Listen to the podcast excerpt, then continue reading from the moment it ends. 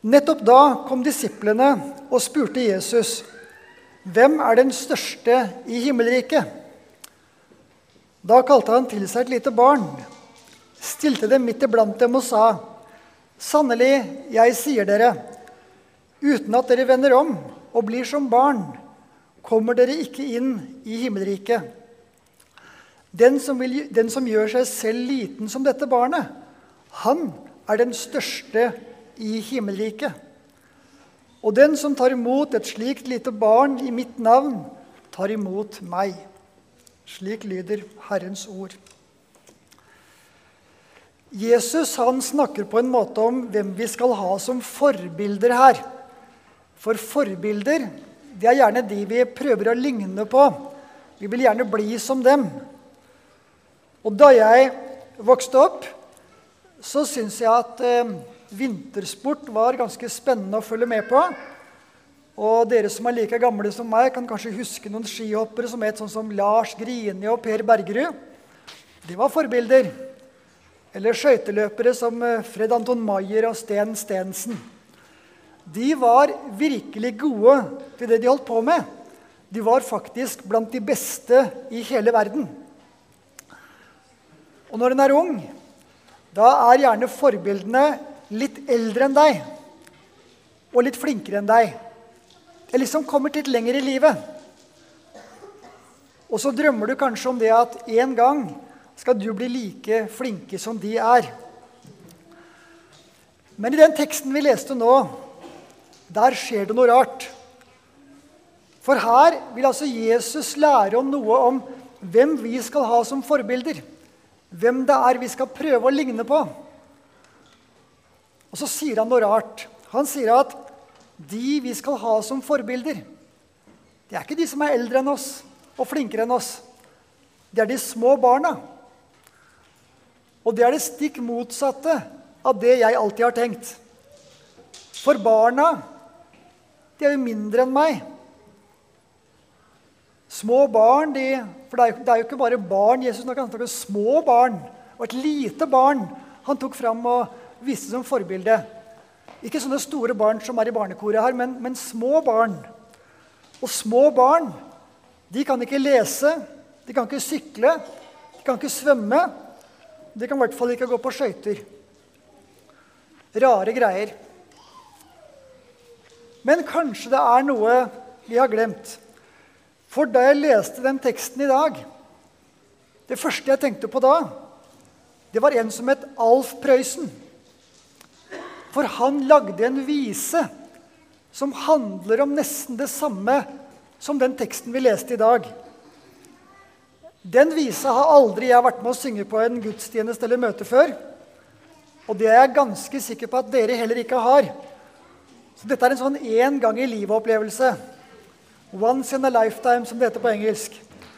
Og da skal koret være forsangere for oss. Og så kan vi synge med på noen av versa og den sangen som heter 'Lillebrors vise'.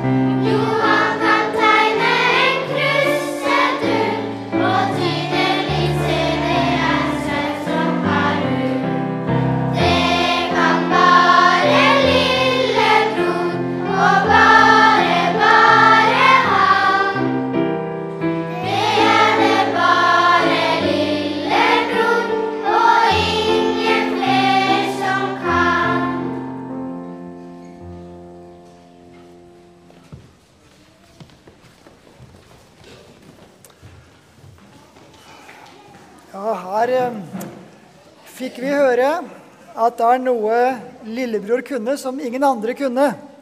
Så her eh, blir også saken på en måte snudd helt på hodet, slik som Jesus sa det også.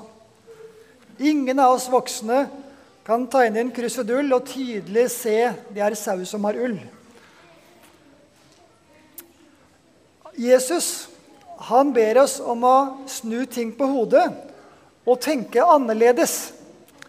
Vi må vende om, sier han. Og Det betyr at vi må gjøre ting annerledes enn det vi har gjort før. Og vi må tenke annerledes enn det vi har gjort før.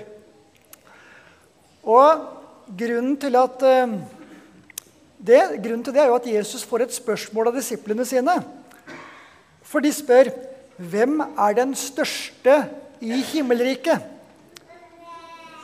Og når de spør sånn, da er det tydelig at det er veldig mye de ikke har forstått. De har ikke forstått så mye av hva Guds rike er. Den som er opptatt av å være størst, den må virkelig lære å tenke på nytt. Dere husker, dere som er voksne, i hvert fall, husker en politiker som het Kåre Willoch. Han var statsminister i Norge for mange år siden. Og En gang var det en journalist som stilte Willoch et spørsmål. Nei, men kjære dem, svarte Willoch. Spørsmålet er jo helt galt stilt. Og så stilte han selv det spørsmålet han mente journalisten burde ha stilt, og så svarte han på det isteden. Og det ligner nesten litt på det Jesus gjør her. Han kunne nesten ha sagt det samme. Kjære dem, spørsmålet er jo galt stilt. Hvem som er størst i Guds rike, det er jo en misforståelse fra ende til annen. Derfor snur Jesus alt på hodet for oss. Ikke med å svare på spørsmålet bare, men ved å lære oss å stille andre spørsmål enn det vi gjør. Noen ganger er det sånn. Så kan vi lure på hva var det Jesus mente da han sa at barna skulle være forbilder for oss? Hva er det med barna som ikke vi voksne har, som ikke vi voksne kan? Den som gjør seg selv liten som dette barnet, han er den største i himmelriket, sa Jesus. Det betyr vel ikke at vi voksne må krympes, så vi blir mindre. Sånn som hvis du putter et plagg i vaskemaskinen som bare tårer 40 grader, og vasker det på 90 grader. Da blir det ganske mye mindre. Men eh, kanskje noen av oss har prøvd det uten å ville det. Og det ble ikke så bra. Men eh, det er vel ikke det som er ment. Det må bety noe annet. Hva er det med barna? Hva er det dere barn kan som ikke vi voksne kan? Jeg tror svaret er det. Når vi sammenligner med hva Jesus sier andre steder også, så må det være det at det som er det typiske for små barn, det er at de egentlig ikke har så mye å bidra med. Et lite barn er helt avhengig av foreldrene sine. Kanskje noen av dere har en lillebror eller lillesøster. Da har dere sett at de må mates, de må kles på, de må bæres rundt, og de må, er avhengig av å få alt de trenger for å leve. De har egentlig ingenting å bidra med. Og sånn er det på en forunderlig måte med Guds rike også. Selv vi som er voksne, og som syns vi kan både det ene og det andre, vi har egentlig ingenting å bidra med. For det å komme inn i Guds rike det er en gave som vi ikke kan gjøre noe annet enn å ta imot. Prøver vi å bidra med noe, så bare gjør vi det verre og vanskeligere. Veldig vanskelig å få det der inn i hodet. For vi liker så godt å gjøre oss fortjent til ting. Det tror jeg både, særlig vi voksne liker å gjøre, for vi er litt stolte og liker å få til ting. Jeg husker veldig godt da Per Bergerud ble verdensmester i hopp i 1985. Kanskje fordi han var fra distriktet jeg kommer fra. Han var en litt sånn lokal helt. Og han hadde vært en god hopper i mange år. Men han hadde liksom aldri klart å komme helt til topps. Men da han endelig klarte å bli verdensmester i 1985, da husker jeg det sto i avisen, og de sa det på TV dette fortjente han. Det er litt stas når vi fortjener noe. det er liksom ekstra bra å ha gjort en innsats, slik at vi får lønn for strevet. Sånn er det i livet. Men sånn er det ikke i himmelriket. Der er det annerledes. Jeg ble minna om det for et par uker siden. Da havna jeg litt tilfeldig i kirkestua i Hurdal. Da var det et arrangement med Egil Svartdal. Kanskje noen av dere har sett han på TV? Jeg har aldri sett ham i levende live, så når den familien jeg var på besøk hos, sa de hadde lyst til å gå dit, så ble jeg med. Og han hadde mye fint på hjertet. Og jeg husker spesielt én ting han sa, som handler om det vi snakker om nå. Han sa at han hadde forretta mange begravelser opp gjennom livet. Ofte var det gode kristne mennesker som ble begravd. Og da hadde han noen ganger hørt følgende kommentar av de tilstedeværende. Ja, Hvis ikke hun kommer til himmelen, da er det ikke håp for noen. Sikkert godt ment om den avdøde. Det var ment som et kompliment. Men han sa de som sier sånn, de har ikke forstått hvordan man kommer til himmelen. For når man sier det, da sier man at det egentlig er de gode gjerningene som bringer oss dit. Men det er det jo ikke. For å komme til himmelen, det gjør vi bare av nåde. Og nåden, den er så radikal, den er så annerledes, at våre gjerninger, de, våre gode gjerninger, de kan ikke legge noe til. Og våre dårlige gjerninger, de kan egentlig ikke trekke noe fra heller. Så opp ned og rart er det budskapet. Og da tror jeg vi forstår litt mer av hvorfor Jesus sier at vi må bli som små barn. Vi må lære oss å ta imot det vi ikke har fortjent. Det kan være litt ydmykende. For vi liker helst, som jeg sa, å få det vi har gjort oss fortjent til. Men når det gjelder å komme til himmelen, så er vi alle i samme båt. Store og små. Vi kan bare ta imot. Jesus har ordna alt for oss. Han har tatt den straffen vi skulle hatt. Han sto opp fra graven for at vi også skal stå opp fra graven. Det eneste vi trenger å gjøre, er å si ja til Jesus. Prøver vi noe mer enn det, så roter vi det bare til. Det tror jeg barna er bedre til enn oss. Derfor skal vi se på barna. Se på et lite barn. Hvordan det tar imot omsorgen fra foreldrene sine uten å klare å gi noe tilbake.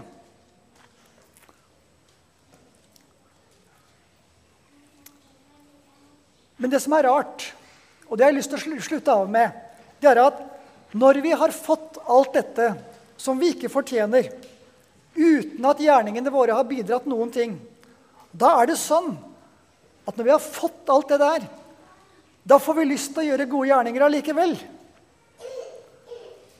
Når vi forstår hvor stort det er, det vi har fått av Jesus. Da har vi lyst til å gå og, og prøve å gi noe tilbake. Jeg har vokst opp på et sted som heter Mjøndalen. Det er ikke så store stedet. Og hadde det ikke vært for fotballaget, så var det ingen som hadde hørt om Mjøndalen. Men til å være fra et så lite sted, så er de ganske gode. Ikke så gode som Odd, selvfølgelig, men, men ganske gode. Og når vi ser bort fra fotballen, så har Mjøndalen fostra to store sønner. Den ene var dikter eller lyriker, og han het Herman Wildenvei. Jeg møtte aldri han, men jeg husker godt broren hans. Og jeg var en gang på misjonsforening hjemme hos svigerinna hans. Han er visstnok Norges mest solgte lyriker gjennom tidene. Men han har ikke fått noe stor plass i litteraturhistorien. da. For han skrev helst om det lyse og lette, det som vi drar på smilebåndet av.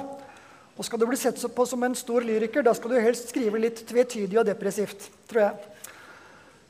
Den andre store sønnen som Mjøndalen har fostra, han het Lars Korvald. Og han ble statsminister i Norge. Og det er den høyeste stillingen det går an å få i landet vårt hvis du ikke er født inn i kongefamilien. da. Han ble jeg godt kjent med da han flytta hjem til Mjøndalen på sine pensjonistdager. Han fortalte at da han uh, satt i regjeringsforhandlinger i 1972, så kom han hjem til kona seint på kvelden, og så spurte hun hvordan gikk det Og han svarte det gikk dårlig. Jeg ble et statsminister. Den historien jeg skal slutte med å fortelle nå, den handler om dem begge to. For, for en del år siden, kanskje for 25 år siden, så skulle det avdukes en byste av Herman Wildenvey på gården der han vokste opp. Egentlig var det forfatteren Kjell Aukrust som skulle være der og holde festtalen for dagen. Da han ble syk og måtte melde forfall. Og Da ble Lars Korvald spurt om han kunne komme og si noen ord om sambygdingen sin. Og det sa han ja til. Jeg bodde like i nærheten der den gangen, så jeg rusla bort for å høre på. Og han Lars, som vi kalte han, han holdt en fin tale, og han fikk sagt ganske mye om Wildenvey-familiens forhold til kirke og kristenliv. Og I tillegg fikk han sagt en del om sin egen familie og deres forhold til kristentroen og kirkelivet i bygda. Etter dette her så gikk jeg bort til Korvald og tok han i handa og takka han fordi han hadde klart å flette dette med troens betydning så naturlig og fint inn i talen sin. Da så han på meg, og så sa, sa han helt spontant Ja, hvis ikke ville det være meningsløst å komme hit. Han forsto. Han var en liten mann, men han fikk en stor posisjon. Han hadde nesten litt komplekser fordi han var så liten. Han var 1,60. Men han hadde funnet ut med seg selv at han fikk gjøre det beste ut av det han hadde fått. Og det gjorde han. Han var en stor, liten mann som ble stor. Og han forsto godt at han var frelst av bare nåde.